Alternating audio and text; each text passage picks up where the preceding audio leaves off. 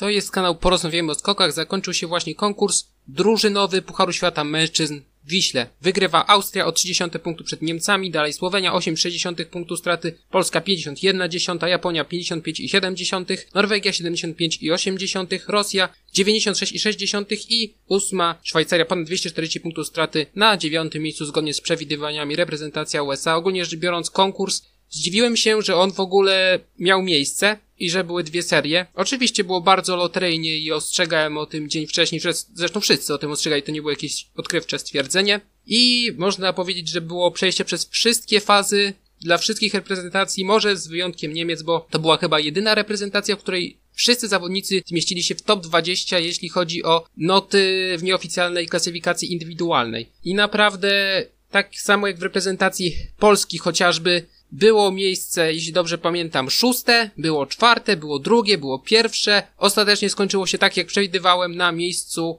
czwartym i ten, który miał być właśnie ostoją dzięki doświadczeniu Kubacki, ten drugi skok mu kompletnie nie wyszedł. Wiem, że warunki, ale no też prawo go mocno przechyliło i skok mu po prostu też nie wyszedł. Nie tylko same warunki. W każdym razie moje typowanie nie było jakoś bardzo tragiczne. Trafiłem zwycięzcę, trafiłem miejsce reprezentacji Polski, trafiłem skład podium i od siódmego miejsca w dół, chociaż od siódmego miejsca w dół to nie było jakieś szczególnie wielkie osiągnięcie. W każdym razie Austria, Fettner, 12 nota indywidualnie, występ jak najbardziej w porządku i wydaje się, że raczej warunki w miarę, jeśli chodzi o średnią. Co innego Jan Her w drugiej serii skok chyba nieco słabszy, ale też warunki nie jakieś mega rewelacyjne. Za to w pierwszej 134,5 metra luta pod narty to było widać tak samo jak ustękały zresztą. Występ Herla bardzo dobry, w końcu ten drugi skok był całkiem niezły. Nie wydaje mi się, że był tak dobry jak pierwszy, chociaż szczerze mówiąc jest to dość prawdopodobne, biorąc pod uwagę jak duża była różnica, jeśli chodzi o warunki. 23 Daniel Huber, jeśli chodzi o notę indywidualną, jemu skoki też nie wychodziły, ale w pierwszej serii on miał mega dużo szczęścia. Ja wiem, że tego nie było widać w uśrednionym odczycie, a być może to był efekt tego, że po prostu miał na górze lutę w plecy i na końcu trzymało go, bardzo mocno go trzymało, bo normalnie to on powinien skończyć na 80 metrze, a on jednak to wytrzymał i dociągnął chyba sto kilkanaście metrów, skoczył i tutaj i doświadczenie pomogło i też warunki, bo było widać, że go trzyma w drugiej części lotu. I genialny Stefan Kraft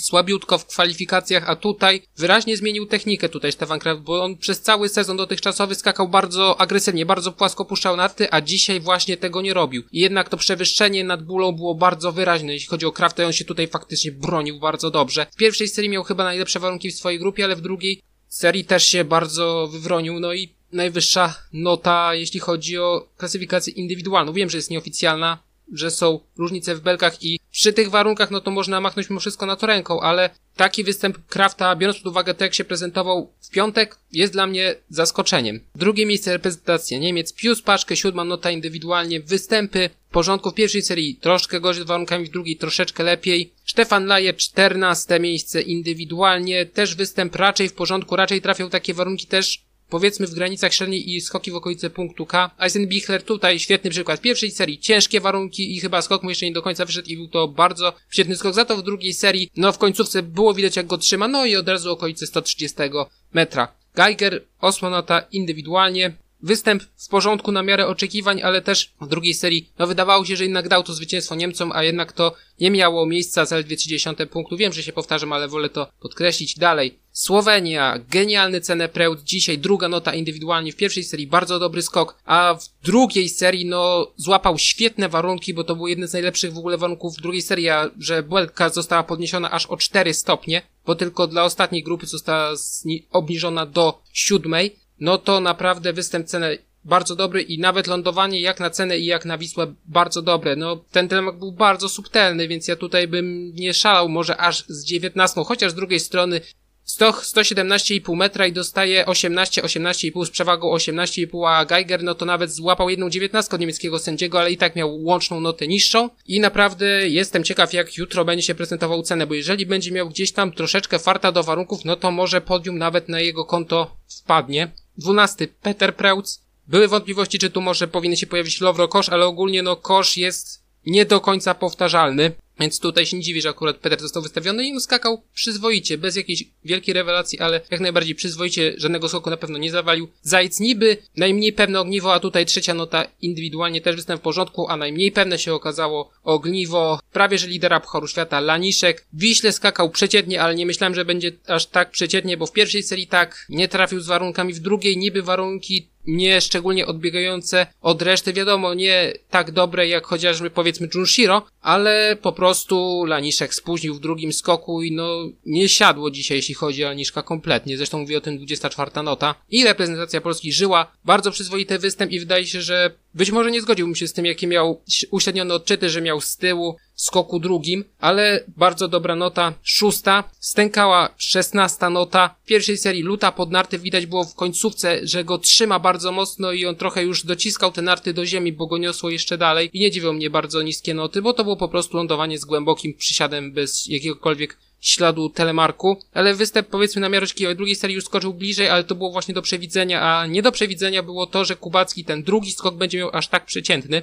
Dla mnie przykład polskiej reprezentacji jest idealnym odzwierciedleniem tego, co się dzieje, kiedy warunki są powiedzmy powyżej średniej w loteryjnym konkursie, a kiedy ta loteriada zaczyna dotykać też określonej reprezentacji i kiedy się trafią też słabsze skoki, bo wydaje mi się, że gdyby Kubacki oddał swój skok taki nawet jak teraz prezentuje poziom, no to byłoby co najmniej kilkanaście metrów dalej, a tutaj po prostu ten skok w mojej opinii mu nie wyszedł 29 nota indywidualnie, no i stok, występ jak najbardziej w porządku, 9 nota indywidualnie. W drugiej serii zgodzę się z tym, że miał średnie warunki, jeśli chodzi o drugą serię, to się nie zgodzę, bo w tej ostatniej grupie tylko Kraft miał więcej odjęte. Ja wiem, że to jest uśredniony odczyt, ale też głoszenie tezy, że Stoch miał beznadziejne warunki w obu seriach, ja nie jestem w stanie się z tym zgodzić. Drugiej być może tak, w pierwszej absolutnie nie.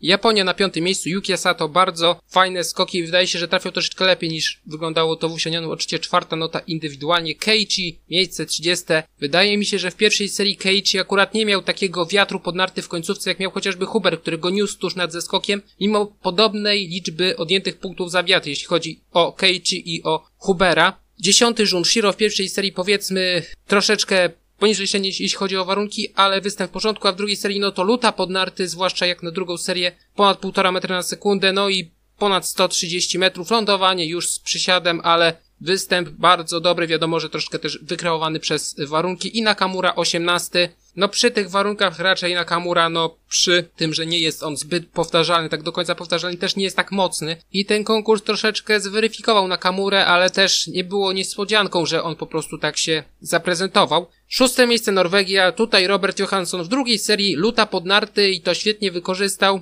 Lądowanie na dwie nogi, za to w pierwszej, no przy tak krótkim rozbiegu Warunki w okolicach zera, jak się okazały, no nie pozwoliły kompletnie na nic, bo wielu zawodników wychodziło bardzo nisko nad bólą, ale Johansson w ogóle nie miał wiatru w drugiej części lotu, więc no praktycznie bula. No bula to może przesada. Bula to była u Larsona, ale Larson też został skasowany, jeśli chodzi o warunki, czego akurat nikt nie zauważył, bo to w końcu jest y, reprezentacja, która mało kogo obchodzi, niestety.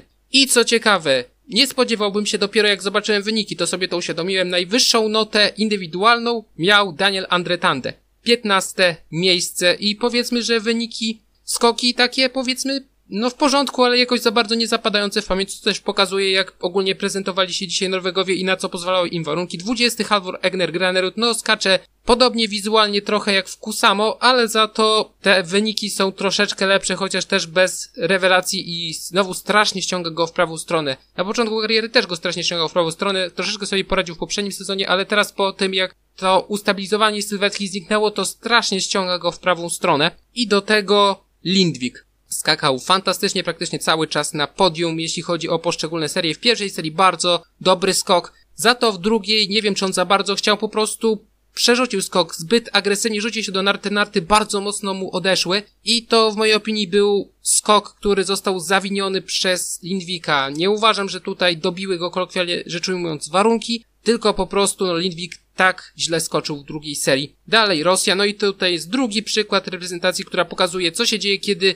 idzie, a kiedy nie idzie, jeśli chodzi o warunki. Może poza Trofimowem, bo on miał dwa razy, powiedzmy, warunki w miarę w okolicach średniej 27 nota indywidualnie. Nazarow. W pierwszej serii bardzo dobre warunki, całkiem niezły skok. I no była to jeden z najlepszych w ogóle not w grupie. I to samo Sadrejew, też w pierwszej serii bardzo dobre warunki, 2 metry na sekundę i po jego skoku no było o włos od podium, jeśli chodzi o reprezentację Rosji. Za to w drugiej serii Nazarow warunki powiedzmy w granicach średniej i było sto kilkanaście metrów. Sadrejew chyba nie miał nawet 110, no ale miał w okolicach zera, jak się okazało. I od razu 18-latek został do pewnego stopnia zweryfikowany, chociaż też powiedzmy nota 22, jeśli chodzi o klasyfikację indywidualną, nie jest Najgorsza i Klimow, 21 miejsce indywidualnie i to jest dokładne odwrócenie tego, co miało miejsce w przypadku Nazarowa czy Sadrejewa w pierwszej serii i warunki słabe, ale też wydaje się, że Klimow nie jest po prostu w takiej formie, żeby sobie poradzić w tej sytuacji, bo też nie był to jego najlepszy skok. Za to w drugiej serii mocny wiatr, bardzo ładnie wylądowany skok i po prostu kompletnie inny odbiór tego zawodnika. Mimo, że wydaje się, że te skoki jakościowo nie były jakieś mega różne.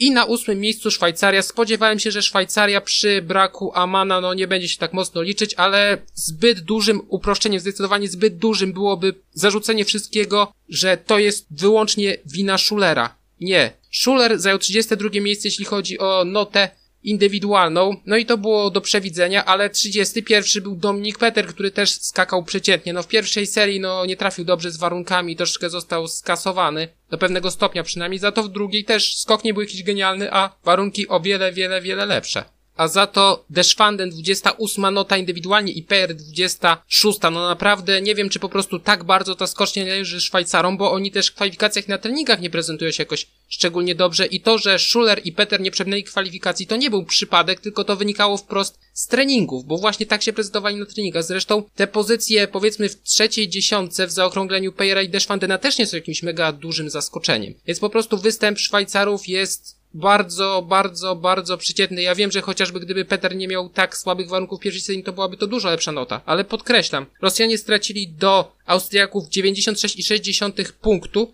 a Szwajcarzy ponad 240. Więc tutaj różnica jest znacznie większa między Rosją i Szwajcarią, a pomiędzy Rosją a zwycięzcami.